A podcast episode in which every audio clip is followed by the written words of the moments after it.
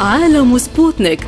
تغطية إخبارية موضوعية لأهم الأحداث حول العالم. يلقي الضوء على أهم الأخبار السياسية. والاقتصادية. والرياضية. وجولة مع الأخبار الخفيفة من سبوتنيك break في عالم سبوتنيك. أهلا بكم مستمعينا الكرام في حلقة جديدة من عالم سبوتنيك. يسعد بصحبتكم في هذه الحلقة. عبد الله حميد ونوران عطلة والبداية مع أبرز العناوين.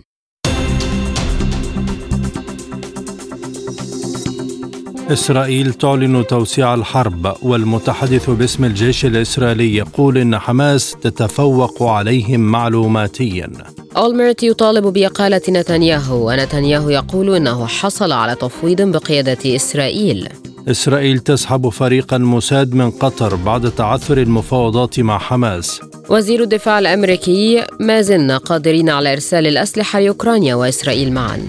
السعودية والإمارات تطلقان ميثاق خفض انبعاثات قطاع النفط والغاز وخمسون شركة تتعهد بخفض انبعاثات الميثان إلى الصفر بحلول 2030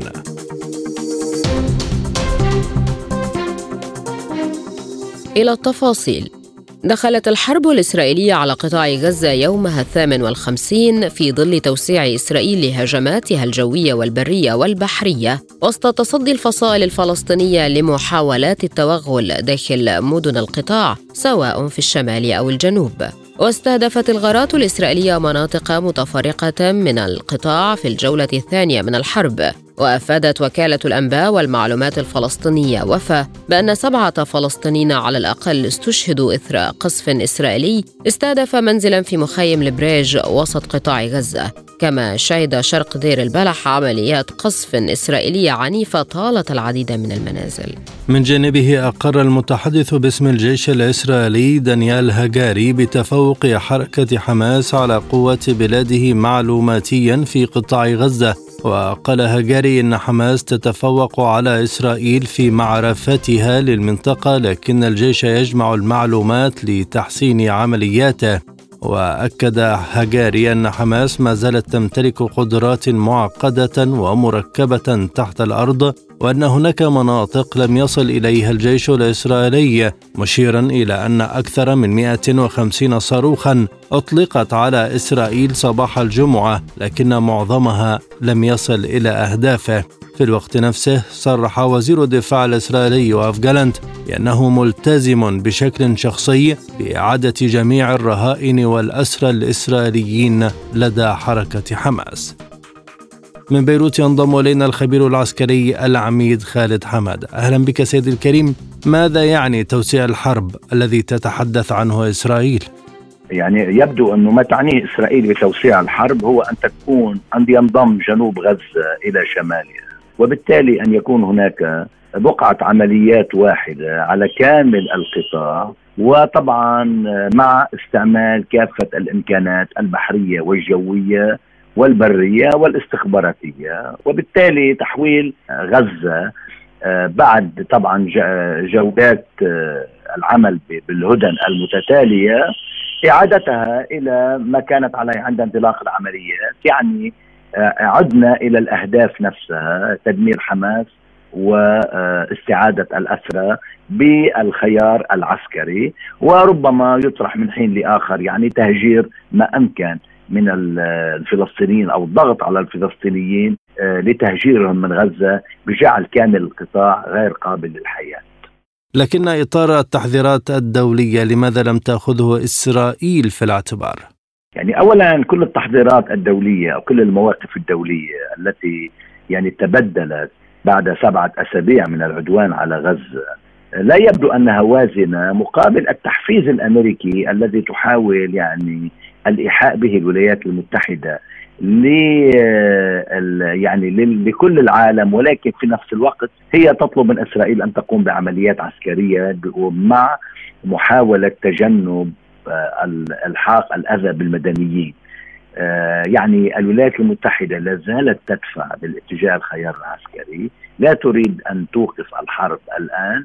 آه، ربما استجابت إسرائيل للولايات المتحدة بهذا المخطط الذي وضعته لتقسيم القطاع إلى إلى مربعات آه، بحيث يعني يتم إنذار الفلسطينيين الانتقال من منطقة إلى أخرى.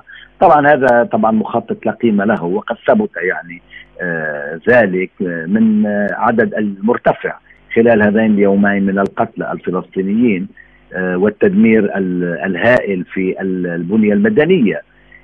يعني إسرائيل لا تبدو جاهزة لوقف إطلاق النار، الولايات المتحدة لا تبدو جاهزة كذلك لوقف إطلاق النار، وربما سنكون أمام جولات أكثر عنفا ولكن أنا في رأيي كل هذا الخيار العسكري لن يكون يعني أكثر حظا مما جرى في في في الشمال وبالتالي سنعود يعني آه، ربما إلى البحث عن مخارج من خلال هدى مؤقتة.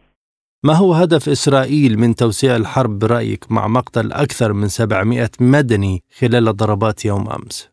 نعم يعني الخيار العسكري الخيار العسكري الذي تقوم به إسرائيل من خلال استخدام المدفعية والقوات البحرية والقوات الجوية لن يفضي سوى إلى قتل المدنيين يعني لن هي هي منذ دخلت توغلت في في, شمال غزة لم تبدي أي آه يعني ربما أي اندفاع باتجاه الدخول إلى الأنفاق ومحاولة آه يعني البحث عن كوادر حماس ومقاتليها. وقد أضاف طبعا الدمار بعدا اضافيا استخدمه الفلسطينيون عندما دمروا كل هذا من من خلال كل هذا التجميع للكتل الخرسانية التي أتت نتيجة التدمير حيث أصبحت كذلك بيئة ملائمة أكثر للمقاتلين الفلسطينيين وبيئة طبعا لا لا تسمح لإسرائيل باستخدام مميزاتها باستخدام الآليات والدبابات وأسلحتها. وبالتالي يعني إسرائيل تريد أنا أعتقد أنها تريد أن من خلال التدمير ومن خلال قتل المدنيين الضغط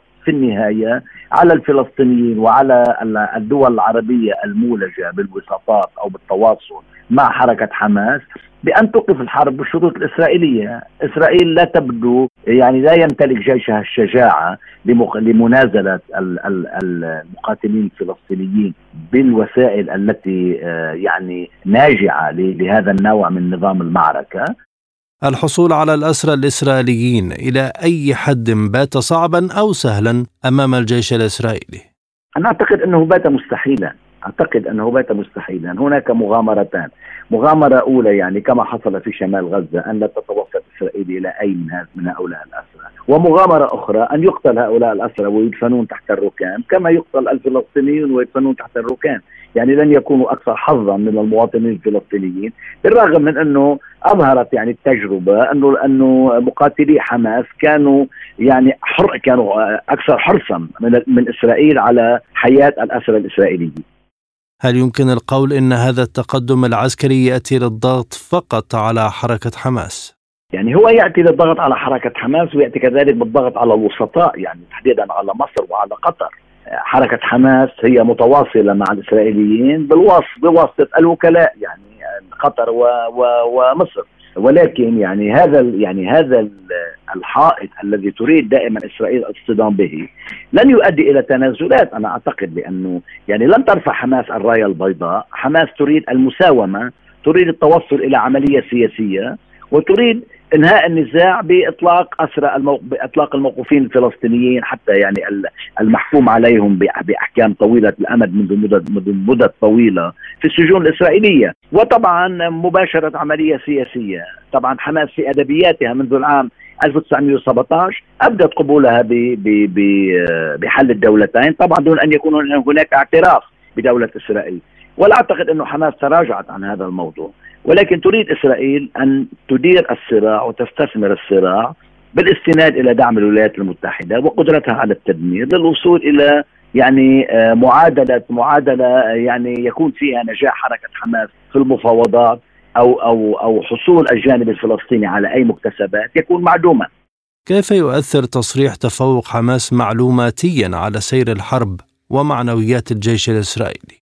يعني معنويات الجيش الاسرائيلي لا أعتقد أنها مرتفعة ولا أعتقد أن مباشرة العملية ستتمكن يعني من مسح ذاكرة الجنود الإسرائيليين وقادتهم مما جرى في 7 أكتوبر أو مما جرى قبلا يعني. الحديث عن تفوق استخباري آه، هو كلام منطقي يعني بدليل أنه لن تتمكن إسرائيل لغاية الآن من من آه، تحقيق أهداف آه، حقيقية من القبض على جماعات حماس من أحباط قدرة حماس على التحرك من شمال القطاع حتى جنوبه يعني حتى لا زالت اليوم حماس يعني تقوم بمداهمة في مخيم جباليا وفي آه، سائر مناطق الشمال في غزة يعني. وهذا يستدل منه أنه ليس هناك استخدام للاستعلام أو ربما ليس هناك فعلا استعلام أو معلومات استخبارية استخبارية حقيقية تبنى عليها مناورة عسكرية. ما تقوم به إسرائيل هو تدمير شامل وبالتالي تعتقد ربما من خلال هذا الدمار الشامل أنها ستصيب البنية التحتية لحماس بأضرار كبيرة تؤدي طبعا إلى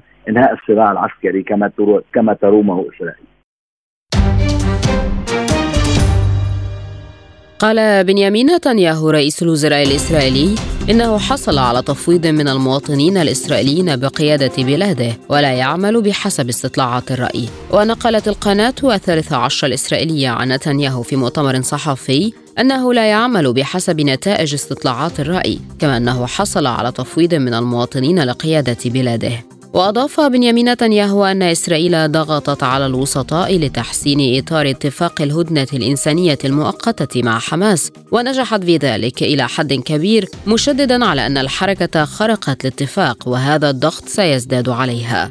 وأوضح رئيس الوزراء الإسرائيلي أن قواته العسكرية ستواصل الحرب ولدى إسرائيل ثلاثة أهداف تتمثل في القضاء على حماس وإعادة المختطفين وضمان الا تشكل غزة تهديدا من جديد. في الوقت نفسه تتصاعد المطالبات بإقالة نتنياهو والجديد جاء من رئيس الوزراء الإسرائيلي الأسبق إيهود أولمرت الذي وجه انتقادات لاستراتيجية إسرائيل الحالية تجاه غزة قائلا إن بلاده ترفض إبلاغ العالم بما تتصوره للقطاع بعد الحرب. داعيا رئيس الوزراء الحالي بنيامين نتنياهو إلى الاستقالة. وحذر أولمرت من التهديد والتفاخر بالقيادة السياسية الحالية والزعم أن لدى إسرائيل الكثير من الوقت فهذا ليس له أساس من الصحة لأن الوقت محدود جدا لدى إسرائيل على حد تعبيره. وأضاف اولمرت أن ما يمكن أن يمنح إسرائيل بعض الوقت والصبر من جانب المجتمع الدولي هو اولا التوضيح بأنه في نهاية العملية العسكرية أن إسرائيل ستنسحب من غزة عندما تهزم حماس. حول هذا الموضوع ينضم إلينا من القدس الدكتور فضل طهبوب المختص في الشأن الإسرائيلي. أهلا بك دكتور كيف تؤثر إذن المطالبات بإقالة نتنياهو على صلاحياته وسلطته؟ يعني واضح نتنياهو الآن في إسرائيل شخصية غير مقبولة وهناك العديد من القادة الإسرائيليين بيطالبوا إقالته عسكريين ومدنيين يعني وزراء سابقين رؤساء وزراء قائد قائد جيش سابق براق بيطالب إقالته. عدد كبير يطالب بإقالته وشعبيته في المرحلة الأخيرة تنازلت بشكل كبير يعني لم يعد له آه، جمهور كبير على اعتبار أنه بيعتبروا أنه كل ما جرى من مشاكل في إسرائيل في المرحله الحالية هو مسؤول عنها. إضافة إلى مشاكله السابقة اللي كانت طبعا استمرت المظاهرات فيها لعدة أشهر بيطالبوا بت... لأنه كان بيحاول يغير طريقة الحكم الديمقراطي في إسرائيل ويستولي على ال... على وزارة العدل. بمعنى آخر أن يسجل أو يوظف آه، الحكام أو القضاء من خلال الوزارة. وهيك بيكون انتهى دور العدالة في إسرائيل. بصفي العدالة تابعة للجنة التنفيذية اللي هي الوزارة. وهذا بيكون أنهى موضوع الديمقراطية في إسرائيل. وهي أخذت فترة طويلة من المعارضة في إسرائيل من كل الأحزاب إلا أنه عنده واحد عنده أكثر من 60 صوت في في مقاعد الكنيست. فهو بيعتبر إنه هذه شرعيته فقط. ما هو التفويض الذي يتحدث عنه نتنياهو؟ التفويض هو أعضاء الكنيسة عنده أكثر من 60 عضو كنيسة وهذا بأهله يكون رئيس الوزراء فقط الآن إذا استقال بعض الوزراء أو بعض التحالف الحكومي الموجود أو الائتلاف الحكومي الموجود فقط ممكن يستقيل لا أكثر ولا أقل أو المظاهرات اللي موجودة بالشارع مظاهرات غير قادرة على إسقاطه لأنه المظاهرات كانت تسع شهور ضده وبأعداد كبيرة ولكنه آه، ما لم يعني يهتم بهذا الموضوع لأنه عنده أكثر من 60 مقعد في الكنيسة وهذا في القانون. الكنيسة الإسرائيلي أو البرلمان الإسرائيلي من يحصل على هذه المقاعد بإمكانه أن يشكل الحكومة. وهذا الائتلاف هو يميني متطرف وكلهم يتفقوا مع سياسة نتنياهو العنصرية والفاشية. هل يمكن إقالة نتنياهو برأيك خلال هذه الحرب؟ أنا في اعتقادي أي لحظة بيوقف فيها القتال بيتم إسقاط نتنياهو.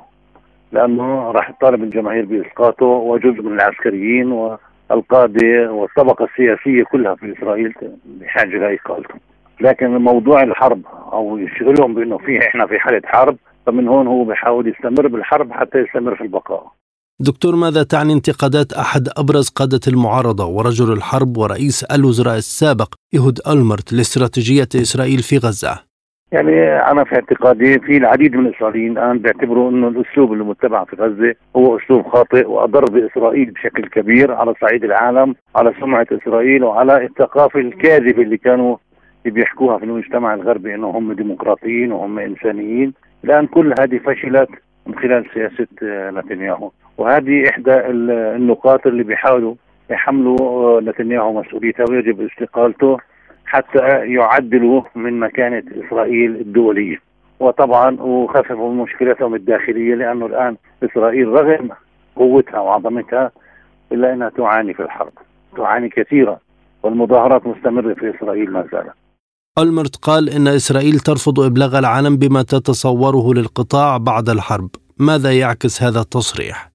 التصورات اللي طرحها نتنياهو حتى الآن على مرحلتين. المرحلة الأولى كان يريد تفريغ قطاع غزة وتهجير الفلسطينيين إلى سيناء وهذه فشلت والأمريكان رفضوها والمصريين رفضوها على اعتبار فشلها قبول وهي عبارة عن جريمة حرب أن تطرد الناس بالقوة النقطة الثانية يحاول الآن أن يستولي على قطاع غزة ويكون مسؤول عنه أمنيا وهذا الحكي صعب جدا على الإسرائيليين. لا يستطيعوا تحمل مسؤولية الأمن ل 2 مليون بني آدم معادين بالشكل الموجود حاليا. وهذه سياسة بيرفضها اولمرت وغير اولمرت الآن طرح كمان قضية ثالثة إنه ممكن يقتطع جزء من غزة الجزء الشمالي يكون مكان عازل ما بين إسرائيل وما ما بين آه، مواطنين غزة. وأيضا هذا الامريكان مش موافقين عليه. أمريكا لا توافق على هذا الاقتراح.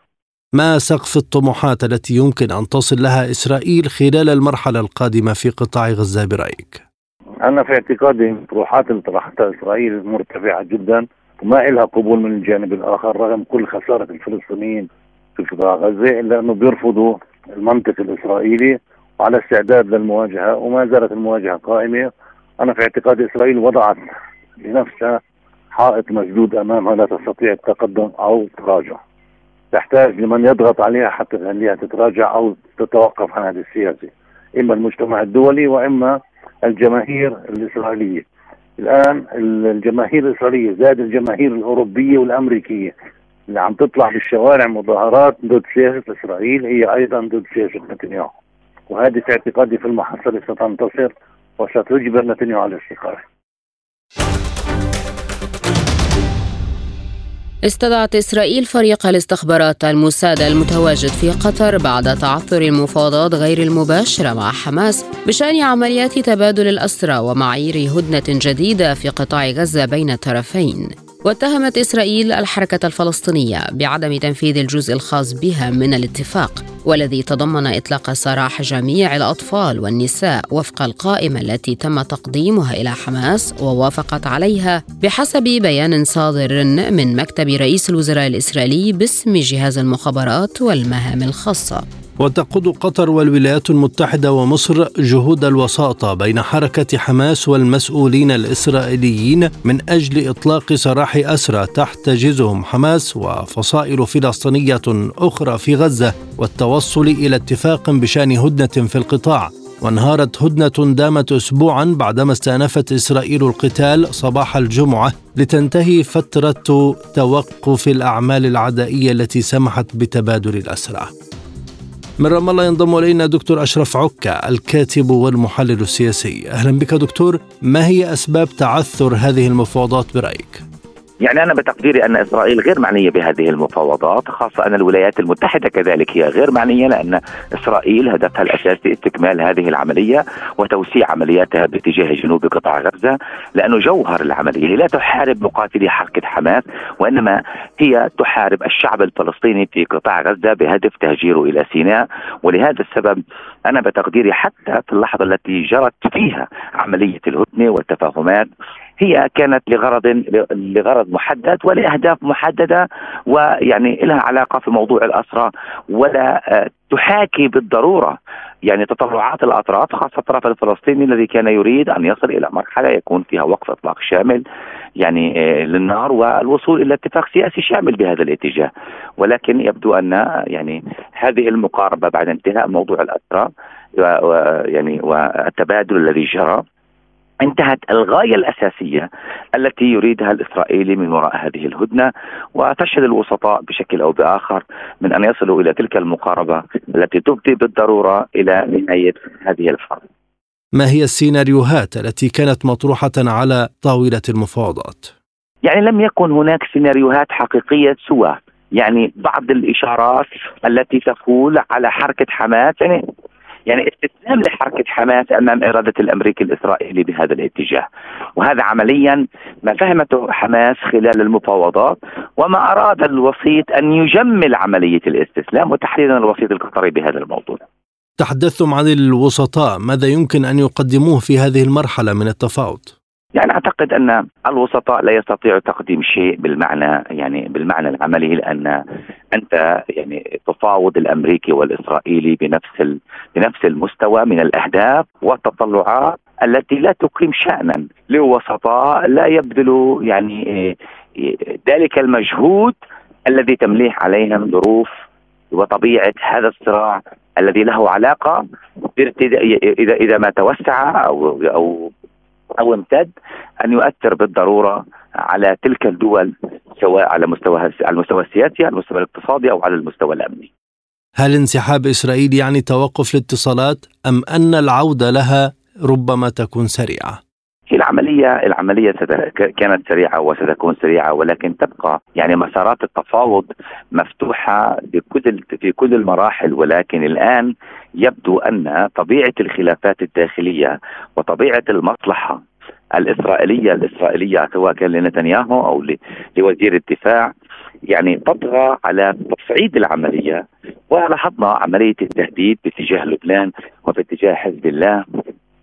وتهديد بكل الاتجاهات. يعني ولهذا يعني دعني أقول يعني الوقت مبكرا عن الدخول بتلك المفاوضات والوساطات التي يمكن أن تفضي بالضرورة إلى مرحلة لتبريد الأجواء. يعني كل ما جرى عمليا هي يعني هي خدمت ظرف معين ظرف آني له علاقة فقط في الأسرة وكان في هناك مقايضة الأسرة مقابل المساعدات الغذائية.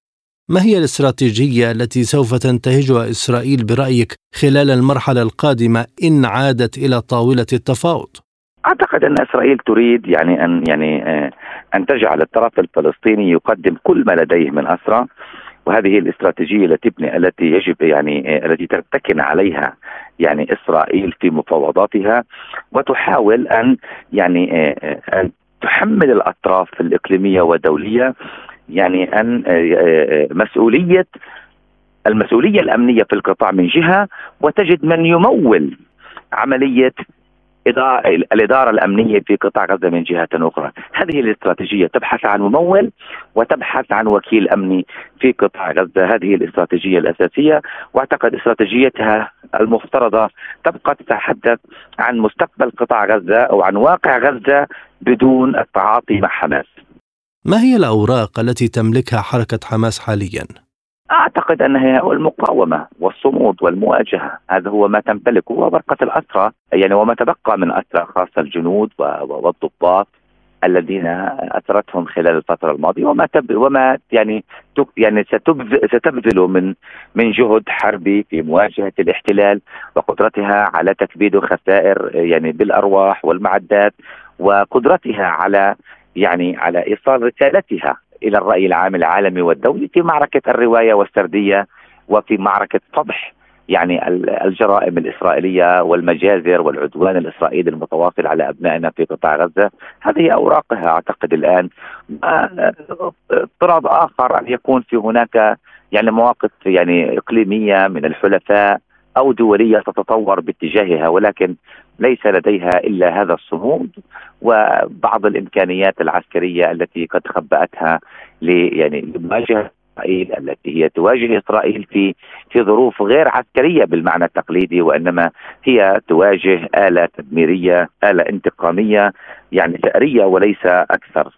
حماس طلبت بوقف الحرب كشرط لتسليم الأسرى العسكريين إذا متى يقبل الطرف الآخر هذا الشرط؟ يعني أعتقد أن هذا الشرط يعني صعب واعتقد أن يعني نحتاج إلى وقت طويل من أجل أن نصل إلى مرحلة المفاوضات الشاملة بما له علاقة بالكل مقابل الكل يعني أسرى الاحتلال مقابل الأسرى يعني الفلسطينيين الموجودين في سجون الاحتلال. هذا يحتاج إلى وقت واعتقد أن إسرائيل الآن استأنفت عمليتها العسكرية وتحتاج مش أقل من شهر شباط القادم من أجل أن تنجز ما يمكن إنجازه كما تدعي من أهداف يعني نعلم تماما أنها أهداف لها علاقة في الحرب الشاملة على قطاع غزة وعلى أهله وعلى بنيته التحتية. الآن مستمعين إليكم فاصل قصير ونذهب بعده إلى جولة إخبارية حول العالم. عالم سبوتنيك يغطي جميع الأحداث السياسية والاقتصادية والرياضية حول العالم. على مدار ساعة تتابعون عالم سبوتنيك مع أهم خبراء التحليل السياسي والاقتصادي. نقترب معكم في متابعة دقيقة من القضايا السياسية والاقتصادية، كما نستعرض أهم الأخبار الرياضية والفنية والبيئية. انتظروا عالم سبوتنيك أيام الجمعة والسبت والأحد من كل أسبوع. ملفات ساخنة برنامج يسلط الضوء على أهم القضايا الحرجة في العالم في ملفات ساخنة نستعرض القضايا مع جميع الأطراف ومن كل الزوايا لاستجلاء الحقيقة. ملفات ساخنة يستضيف أهم الخبراء وأجرأ الضيوف. تابعوا ملفات ساخنة مع راديو سبوتنيك أيام السبت والثلاثاء والخميس من كل أسبوع. والآن إليكم جولة إخبارية حول العالم. أفاد رئيس المركز الصحفي لمجموعة القوات الشرقية الروسية أوليغ تشيخوف بأن سلاح الطيران والمدفعية التابعة لمجموعة قوات الشرق قضت على نحو 110 عسكريين أوكرانيين ودمرت ثلاثة مركبات للقوات الأوكرانية على محور جنوب دونيتسك وقال تشيخوف أصابت ضربات طيران الجيش وضربات مدفعية نقاط انتشار مؤقتة لوحدات اللواء 79 المحمول جوا في كونستانتيفوكا واللواء الميكانيكي 72 في أغليدار ولواء الدفاع الإقليمي 118 التابع للقوات المسلحة الأوكرانية في منطقة ماكروفكا. وأضاف أنه فضلا عن ذلك ألحقت أنظمة قاذفات اللهب الثقيلة أضرارا وحرائق بمعاقل العدو في مناطق نوفوميخايلوفكا ونوفيتسكي ونيوكالسكي. وأشار إلى أن إجمالي خسائر العدو بلغت ما يصل إلى 110 عسكريين وثلاث مركبات. دعا الأمين العام لحلف شمال الأطلسي ينس ستولتنبرغ إلى الاستعداد لاستقبال أخبار سيئة من أوكرانيا وذلك من خلال مقابلة تلفزيونية. وقال ستولتنبرغ عندما سئل عما إذا كان يتوقع أن يصبح الوضع في كييف على الجبهة أسوأ قال يجب علينا أيضا أن نكون مستعدين للأخبار السيئة. واعترف ستولتنبرغ بأنه لم يتم إحراز تقدم كبير على الجبهة في الأشهر الأخيرة وأضاف في الوقت نفسه أنه من الضروري دعم كييف في الأوقات الجيدة والسيئة كانت روسيا قد أرسلت في وقت سابق مذكرة إلى دول الناتو بشأن إمدادات الأسلحة إلى أوكرانيا. وأشارت الخارجية الروسية إلى أن أي شحنة تحتوي على أسلحة لأوكرانيا ستصبح هدفا مشروعا لروسيا. وشددت الخارجية الروسية على أن الولايات المتحدة وحلف شمال الأطلسي متورطان بشكل مباشر في الصراع في أوكرانيا. ليس فقط من خلال توفير الأسلحة لكن أيضا من خلال تدريب الأفراد في المملكة المتحدة وألمانيا وإيطاليا ودول أخرى. ذكرت كتائب القسام الذراع العسكرية لحركة حماس أنها استهدفت دبابة إسرائيلية متوغلة غرب جباليا بقذيفة الياسين 105 وقالت كتائب القسام في بيان إنها قصفت أيضا تجمعا للقوات الإسرائيلية شرق خان يونس في جنوب القطاع بقذائف الهاون. وذكرت سرايا القدس على تيليجرام أنها قصفت سديروت ورعيم بالصواريخ وتمكن مقاتلوها من تدمير دبابة إسرائيلية واستهدفوا آليتين عسكريتين في حي الشيخ رضوان في غزة. وأضافت أنها قصفت أيضا موقع مارس العسكري بقذائف هاون من العيار الثقيل وقصفت مدنا ومواقع وقواعد عسكرية وبلدات إسرائيلية برشقات صاروخية مكثفة. كما قصفت بالصواريخ بلدة كيسوفيم قرب الحدود مع قطاع غزة وانطلقت صافرات الإنذار في كيسوفيم فور القصف. من جانبه قال الجيش الإسرائيلي إنه هاجم مقرات عسكرية ومستودعات ذخيرة وأنفاقا خلال عملياته الليلة الماضية في قطاع غزة. وذكر الجيش في بيان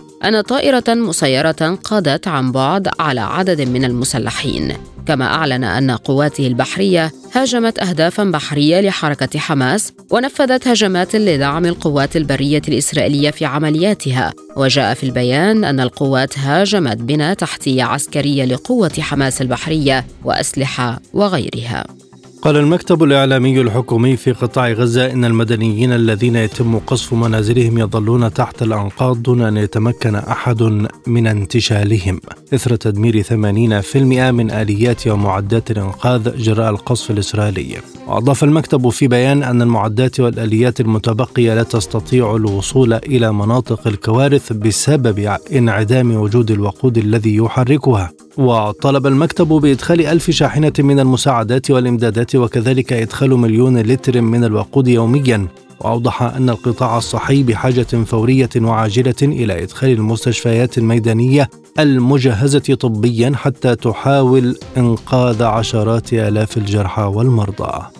أطلقت بريطانيا اليوم طائرات استطلاع لتحديد مكان الرهائن والأسرى الإسرائيليين في قطاع غزة. وذكرت صحيفة معاريف الإسرائيلية أن وزارة الدفاع البريطانية ستقوم بإطلاق طائرات استطلاع فوق إسرائيل وغزة في محاولة لمعرفة مكان الرهائن والأسرى الإسرائيليين في القطاع. وأوضحت الصحيفة أن تلك الطائرات مخصصة للمراقبة والاستطلاع فحسب وليست مخصصة للقتال وأن وزارة الدفاع البريطانية خصصت مجموعة مختلفة من الطائرات لهذا الغرض على أن يتم تبادل المعلومات المتوفرة مع الجانب الإسرائيلي.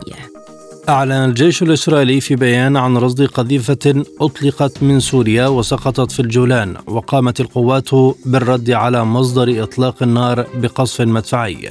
وصرح المتحدث باسم الجيش الإسرائيلي قائلا في وقت سابق من اليوم تم رصد إطلاق قذيفة صاروخية من سوريا تم اعتراضها وفق السياسة المتبعة وقصفت قوات الجيش بالمدفعية مصادر الإطلاق. وأضاف أنه قام مخربون في وقت سابق الليلة الماضية بإطلاق صاروخ مضاد للدروع من لبنان سقط في منطقة مفتوحة قرب بلدة يفتاح دون وقوع إصابات كما قصف الجيش الإسرائيلي عدة مناطق داخل لبنان.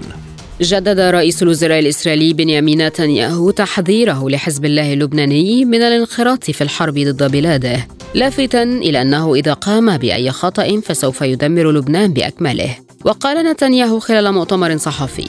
إنه أصدر تعليمات لتوسيع العمليات العسكرية في قطاع غزة مشيرا إلى أن تل أبيب لن تخضع للضغوط الدولية المتصاعدة. وأكد أنه لا يمكن أن يستمر قطاع غزة بتهديد إسرائيل مشيرا إلى إعادة 110 رهائن بفضل الضغط العسكري والجهد الدبلوماسي.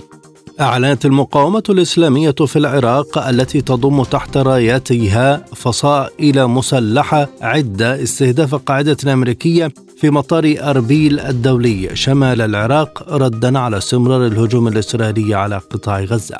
وذكرت المقاومة العراقية في بيان أنه ردا على الجرائم التي يرتكبها العدو بحق أهلنا في غزة استهدف مجاهد المقاومة الإسلامية في العراق قاعدة الاحتلال الأمريكي في مطار أربيل بطائرة مسيرة أصابت هدفها بشكل مباشر.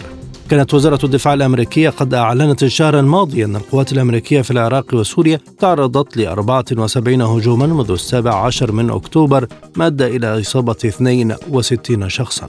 كشف مسؤول إسرائيلي أن إدارة بايدن تستعد للإعلان عن حظر التأشيرات ضد عدد من المستوطنين الإسرائيليين المتورطين في هجمات ضد الفلسطينيين في الضفة الغربية. جاءت هذه التصريحات في الوقت الذي ظهر فيه مقطع فيديو يظهر ما يقرب من ستة مستوطنين يقودون سياراتهم إلى واجهة متجر في قرية بالضفة الغربية ويشرعون في تحطيم النوافذ بالحجارة والهراوات قبل الفرار.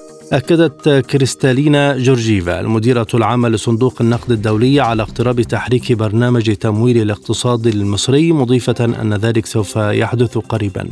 جورجيفا قالت على هامش قمة المناخ في دبي إن الصندوق يعمل في الوقت الحاضر مع السلطات المصرية التي تقوم بعمل جيد في ظروف صعبة للغاية لتحديد الأولويات بما يخص تقديم الدعم للسكان المحتاجين وخلق فرص أفضل لتطوير القطاع الخاص. تسعى مصر منذ عدة أشهر لإعادة إحياء برنامج الصندوق لتمويلها بثلاثة مليارات دولار بل وزيادته إلى خمسة مليارات. وهو برنامج تجمد فعليا بعد أن حصلت القاهرة على الدفعة الأولى عقب إبرام الاتفاق العام الماضي حيث كان من المفترض أن تحصل على شريحتين من القرض في مارس وسبتمبر من العام الجاري وهو ما كان يتطلب إجراء مراجعة في كل مرة من الصندوق لمدى التزام السلطات ببنود الاتفاق. قال المكتب الصحفي بوزارة الاقتصاد الأوكرانية إن خسارة الصادرات الأوكرانية عبر الحدود البولندية بعد إغلاق سائق الشاحنات البولنديين للحدود بين الدولتين بلغت 40% وأعرب نائب وزير الاقتصاد الأوكراني تاراس كاتشكا عن اعتقاده بأن بلاده ستخسر ما لا يقل عن 20% من وارداتها. وأضافت الوزارة أنه في نوفمبر بلغ حجم صادرات المنتجات الأوكرانية 9.2 مليون طن وبلغ حجم نقل البضائع 783 ألف طن. ومر أكبر حجم من الصادرات عبر الحدود البولندية وتقلص هذا المؤشر بنسبة 40% بالمقارنة مع ما كان عليه قبل بدء إضراب سائق الشاحنات البولنديين. وفي السادس من نوفمبر أغلق سائق سيارات الشحن البولندية ثلاث نقاط تفتيش رئيسية على الحدود مع أوكرانيا. ويطالب المتظاهرون بإلغاء المزايا التي يمنحها الاتحاد الأوروبي لشركات النقل من أوكرانيا والعودة إلى النظام السابق للترخيص الإلزامي لنقل البضائع التجارية الأوكرانية وإلغاء التصاريح الصادرة لشركات النقل الأوكرانية. اختتم منتدى كوب 28 المناخي للأعمال التجارية والخيرية الذي يستضيفه مؤتمر الأطراف كوب 28 كمنصة لإشراك قادة الأعمال التجارية والخيرية من القطاع الخاص فعاليات يومه الأول بالإعلان عن مجموعة من المبادرات المتعلقة بالمناخ والطبيعة ومن الالتزامات المتمثلة في جمع أكثر من 18 مليار درهم أي 5 مليارات دولار من التمويل المناخي.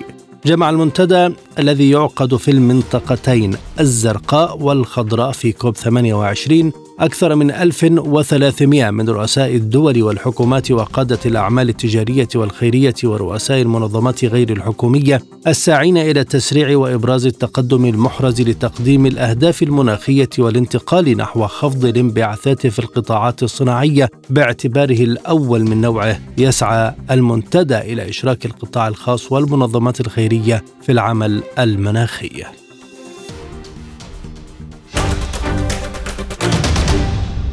الآن إليكم تذكرة بأهم العناوين.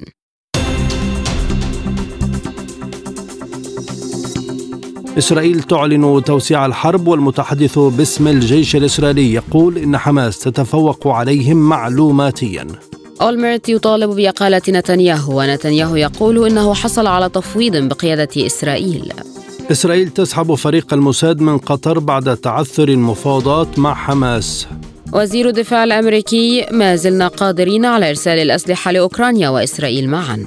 السعودية والإمارات تطلقان ميثاق خفض انبعاثات قطاع النفط والغاز وخمسون شركة تتعهد بخفض انبعاثات الميثان إلى الصفر بحلول عام 2030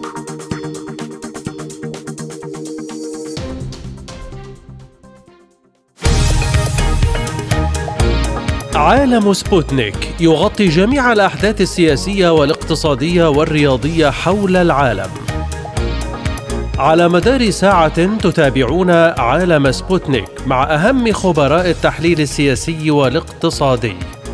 نقترب معكم في متابعة دقيقة من القضايا السياسية والاقتصادية، كما نستعرض أهم الأخبار الرياضية والفنية والبيئية. انتظروا عالم سبوتنيك أيام الجمعة والسبت والأحد من كل أسبوع. مساحة حرة برنامج يسلط الضوء على أهم القضايا الاجتماعية والاقتصادية حول العالم. في مساحة حرة تنوع في الآراء وثراء في النقاش. مساحة حرة يأتيكم عبر راديو سبوتنيك الاثنين والخميس من كل أسبوع قال وزير الدفاع الأمريكي لويد أوستن إن واشنطن لن تسمح لروسيا بتحقيق النصر في أوكرانيا وتهدف إلى مواصلة إمداد كييف بالمساعدات العسكرية. وقال أوستن إن الولايات المتحدة لن تسمح لحركة حماس أو للرئيس الروسي فلاديمير بوتين بالانتصار. وأشار إلى أن الولايات المتحدة ما زالت قادرة على الوفاء بالتزاماتها تجاه حلفائها وإرسال المساعدات إلى العديد من مسارح العمليات العسكرية في وقت واحد والتي تشمل كل من إسرائيل وأوكرانيا. وأضاف أن الولايات المتحدة هي أقوى دولة على وجه الأرض ويمكنها القيام بمهام متعددة. واصفا العملية الروسية في أوكرانيا بأنها تحدي لحلفاء الناتو وتابع أن نتيجة هذا الصراع ستحدد الأمن العالمي لعقود قادمة. رغم حديث أوستن إلا أن الجدل كبير في الولايات المتحدة وأوروبا حول توقف المساعدات الأمريكية لأوكرانيا حيث يعرقل الأعضاء الجمهوريون في الكونغرس الأمريكي الموافقة على طلب قدمه رئيس بايدن لتخصيص ما يقرب من 60 مليار دولار إضافية لأوكرانيا في إطار المساعدات العسكرية التي تقدمها واشنطن لكييف. للمزيد من التعليق معنا المتخصص بالشؤون الأمريكية أستاذ عاطف الغمري بعد التحية هل هذه التصريحات واقعية وتتطابق مع ما يجري حاليا؟ هو الحقيقة المعلومات اللي هي حتى نشرت في آه، صحف الغرب وفي أمريكا تحديدا آه، قالت عكس كده يعني قالت إن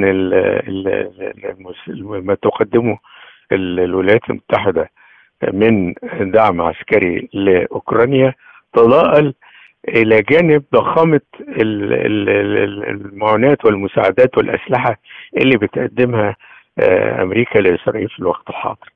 طبعا آه، هو تصريح وزير الدفاع الأمريكي المقصود به محاولة يعني تخفيف آه، تأثيرات هذا الكلام على ما يجري في داخل أوكرانيا وعلى حكومة أوكرانيا نفسها لأن طبعا هي لما بتجد إن مثل هذه الأنباء بتتردد في أمريكا وخصوصا إن في هناك أصوات ابتدت تعلو لإن الرأي العام الأمريكي يعني في حاجة إلى آه، ما آه، هذه المساعدات الضخمة إنها آه، تقدم إلى النواحي المتعلقة بحل المشاكل الداخلية للرأي العام وخصوصا فيما يتعلق بالحالة المعيشية وارتفاع الأسعار وغيره والتضخم الموجود في هذه الدول فطبعا ده مجرد يعني تصريح دعائي أكثر منه آه، مرتبط بالحقيقة لماذا إذا تم تعطيل المساعدات الأمريكية لأوكرانيا مؤخرا؟ لأن ما يخرج من من من مخازن الأسلحة الأمريكية في آه، الولايات المتحدة آه، تجاه إسرائيل كان ضخم ومتنوع. يعني حتى نوعيات الأسلحة التي ابتدت تصل إلى إسرائيل متنوعة جدا ومهلكه يعني. فطبعا ده ما تقدرش إن المخازن السلاح الأمريكي إنها تخرج آه، ما في مخزونها في اتجاهين في وقت واحد. طبعا كان الأول الكل مركز على نوعيات الأسلحة التي تقدم إلى آه، أوكرانيا. لكن طبعا ده آه، تقلص ما يقدم لها في بما يتعلق بإسرائيل. وخصوصا إن القوى المؤيدة لإسرائيل والضاغطة على صناعة القرار الأمريكي قوية جدا. اللوبيات اليهودية الموجودة في أمريكا وتاريخها آه، طبعا دي بتعمل حسابه أو بيعمل حسابه البيت الأبيض دائما أو أي رئيس أمريكي نظرا أيضا لتأثيراتهم على آه، فرص آه، نجاحه أو انتخابه في الانتخابات التي تجري للرئاسة. ما هي الأولوية بالنسبة لواشنطن؟ إسرائيل أم أوكرانيا؟ أيوه طبعا لأن إسرائيل ما هي أوكرانيا دي حالة جدت على السياسة الأمريكية إنها مثلا في إطار الصراع آه، القوى الكبرى مع بعضها وفي محاولة لتقزيم أو تقليل حجم التأثير الروسي وخروجها آه، إلى المجال العالمي. آه، طبعا دي حالة لكن بالنسبة لإسرائيل ما هيش حالة. إسرائيل تعتبر قاعدة متقدمة لأمريكا في الشرق الأوسط وإنها جزء من آليات آه، سياستها وقراراتها في المنطقة سواء فيما يتعلق بالضغوط السياسية آه، على دول المنطقة أو فيما يتعلق حتى بالعمل المخابراتي. يعني حتى إسرائيل والموساد كان برضه بيعمل لخدمة مصالح أمريكية أو فيما يتعلق بما تريده. برضو إسرائيل كانت بتستخدم من جانب أمريكا في مناطق أخرى لما يكون لأمريكا فيها مشاكل أو سياسات زي مثلا في أفريقيا في مواجهة حركات تحرر مثلا أو في أمريكا اللاتينية أو غيرها. فطبعا بالنسبة لأمريكا إسرائيل لا قاعدة للولايات المتحدة. هل تشعر الولايات المتحدة بالفشل في أوكرانيا لذلك تحاول الخروج منها بالتدريج؟ لا هي مش هتتراجع يعني ممكن يقل الدعم لكن مش هتتراجع لعدة أسباب. منها أن القضية أساسا أنها الخوف من آه، صعود القوى التي تنادي بعدم آه، الإيمان الأمريكية على النظام العالمي القادم وتعددية النظام العالمي. وده بيطالب بيه الصين وبيطالب بيه روسيا فطبعا دي مسألة لها أولوية في حسابات الولايات المتحدة. العملية الهيمنة على العالم دي جزء من الفكر الاستراتيجي الأمريكي وجزء من أدوات السياسة الخارجية فبالتالي التراجع نهائيا أو كاملا مستبعد دلوقتي. لكن ممكن أن يضعف لكن إنه يتراجع تماما أنا آه، ما أشك في ذلك.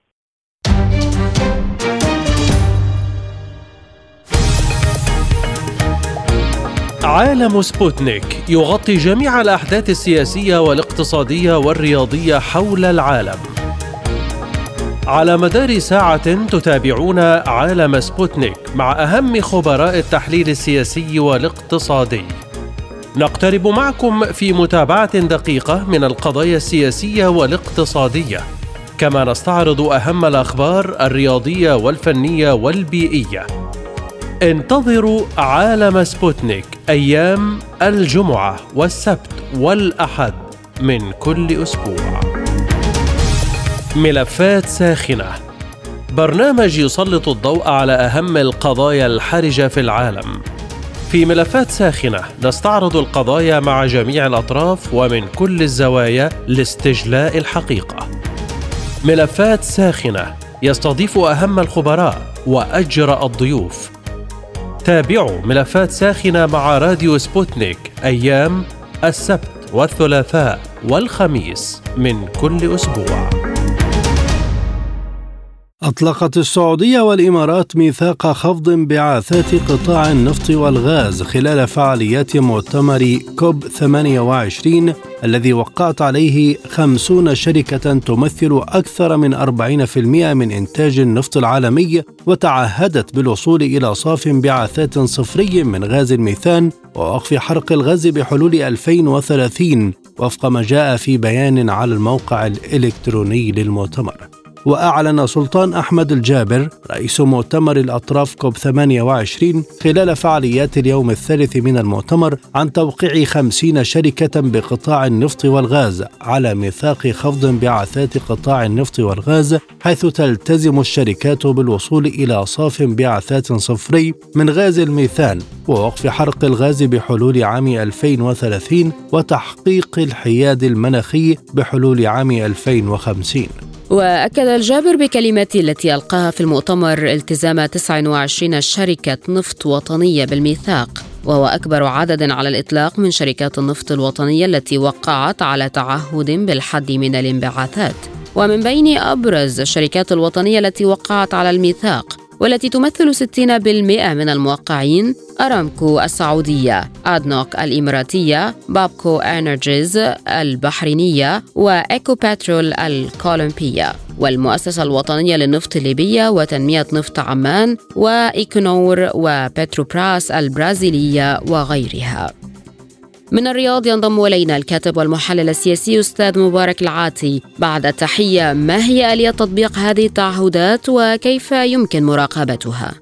أه، بكل تأكيد أن المملكة العربية السعودية والأشقاء في دولة الإمارات العربية وبقية الأشقاء والشركاء أيضا المنتجين للنفط والوقود الأحفوري أه، يدركون أنهم شركاء حقيقيون وأساسيون في تحمل أعباء حماية الكوكب مما يسمى الانبعاثات آه، الوقود الاحفوري ولذلك دائما تسابق المملكة العربية السعودية والإمارات ل آه، العمل مع المجتمع الدولي في سبيل خلق الآليات والمنظمات والقرارات والأنظمة التي من شأنها أن تسهم في حماية الكوكب وبكل تأكيد أن النقطة الأساسية لتنفيذ كل هذه المقترحات هي عملية التوافق بين الدول المنتجة للنفط والتفاهمات الدول الأخرى دول القوى الكبرى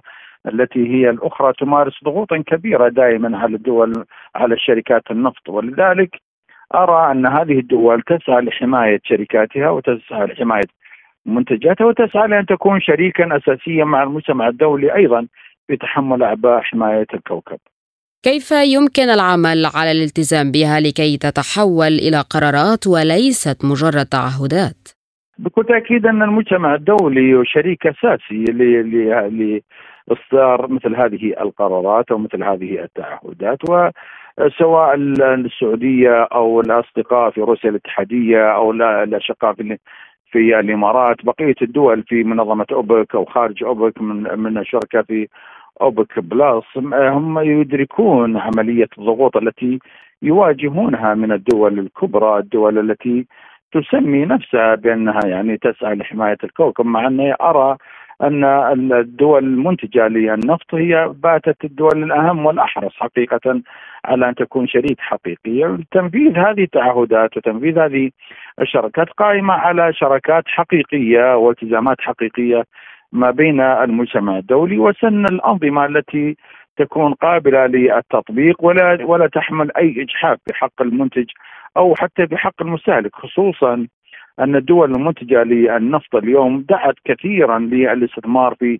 الطاقة النظيفة، سبقت المجتمع الدولي للاستثمار في الطاقة المتجددة، الطاقة الشمسية، طاقة الرياح، طاقة البحار، كل هذه أصبحت المملكة العربية السعودية من الدول الرائدة للاستثمار فيها ونادت وناشدت وطالبت المجتمع الدولي لأن يعني تسابق للاستثمار في هذا المجال وذلك كله لحماية وإسهاما في حماية المناخ وتغير آه، المناخ. النقطة الأخرى أيضا على هذه الدول التي دائما تصم آذاننا بهذه النداءات يعني التي تستغل سياسيا. لكن بحقيقتها يعني هناك تناقضات آه، آه، يمارسها الغرب ويمارس تمارس القوى الكبرى ضد شركات النفط.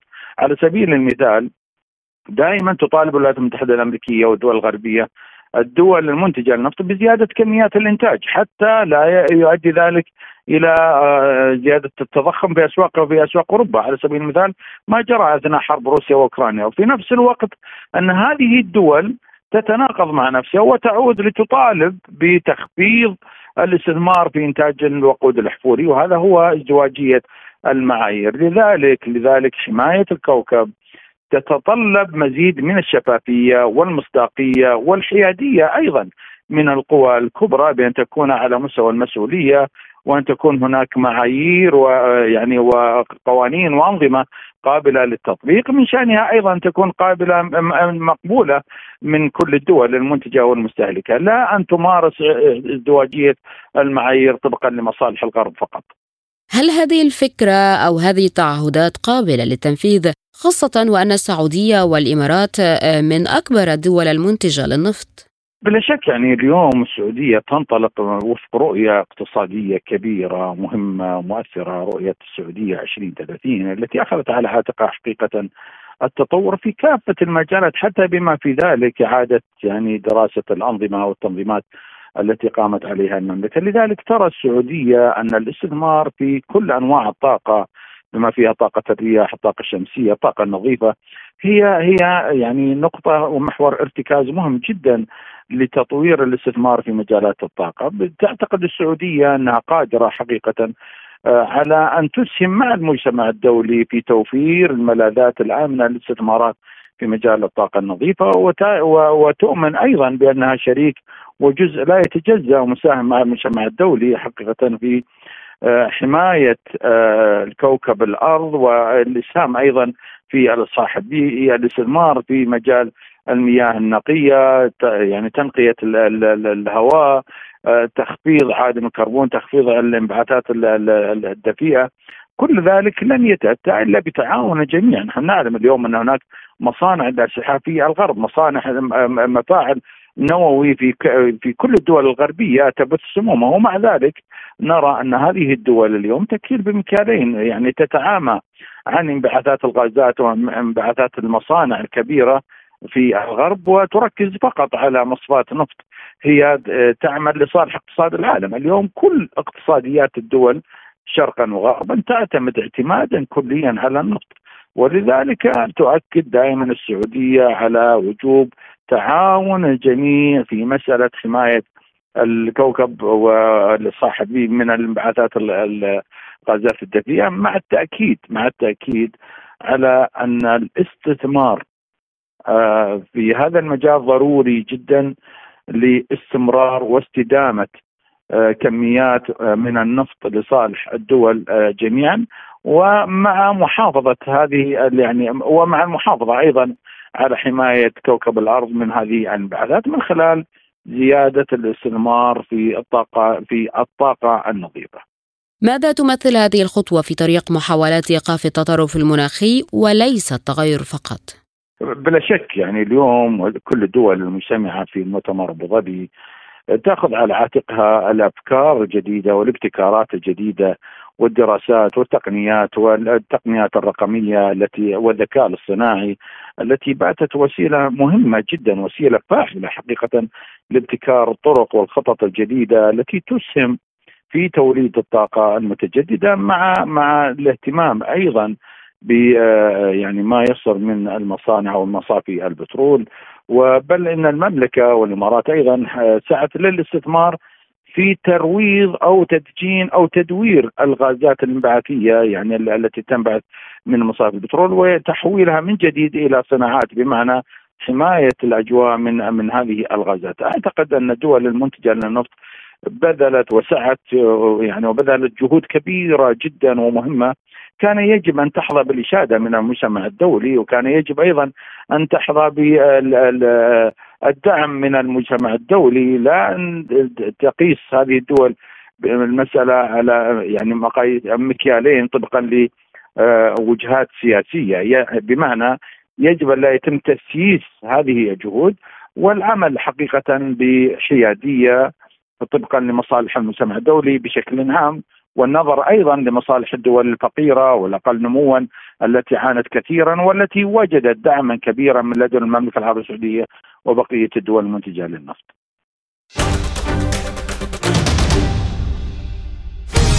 مساحة حرة برنامج يسلط الضوء على أهم القضايا الاجتماعية والاقتصادية حول العالم. في مساحة حرة تنوع في الآراء وثراء في النقاش. مساحة حرة. يأتيكم عبر راديو سبوتنيك الاثنين والخميس من كل أسبوع. في الختام إليكم تذكرة بأهم ما جاء في عالم سبوتنيك.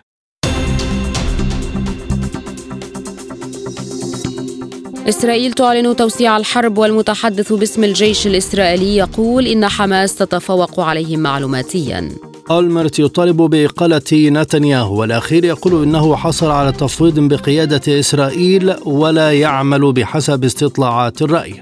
إسرائيل تسحب فريق الموساد من قطر بعد تعثر المفاوضات مع حماس.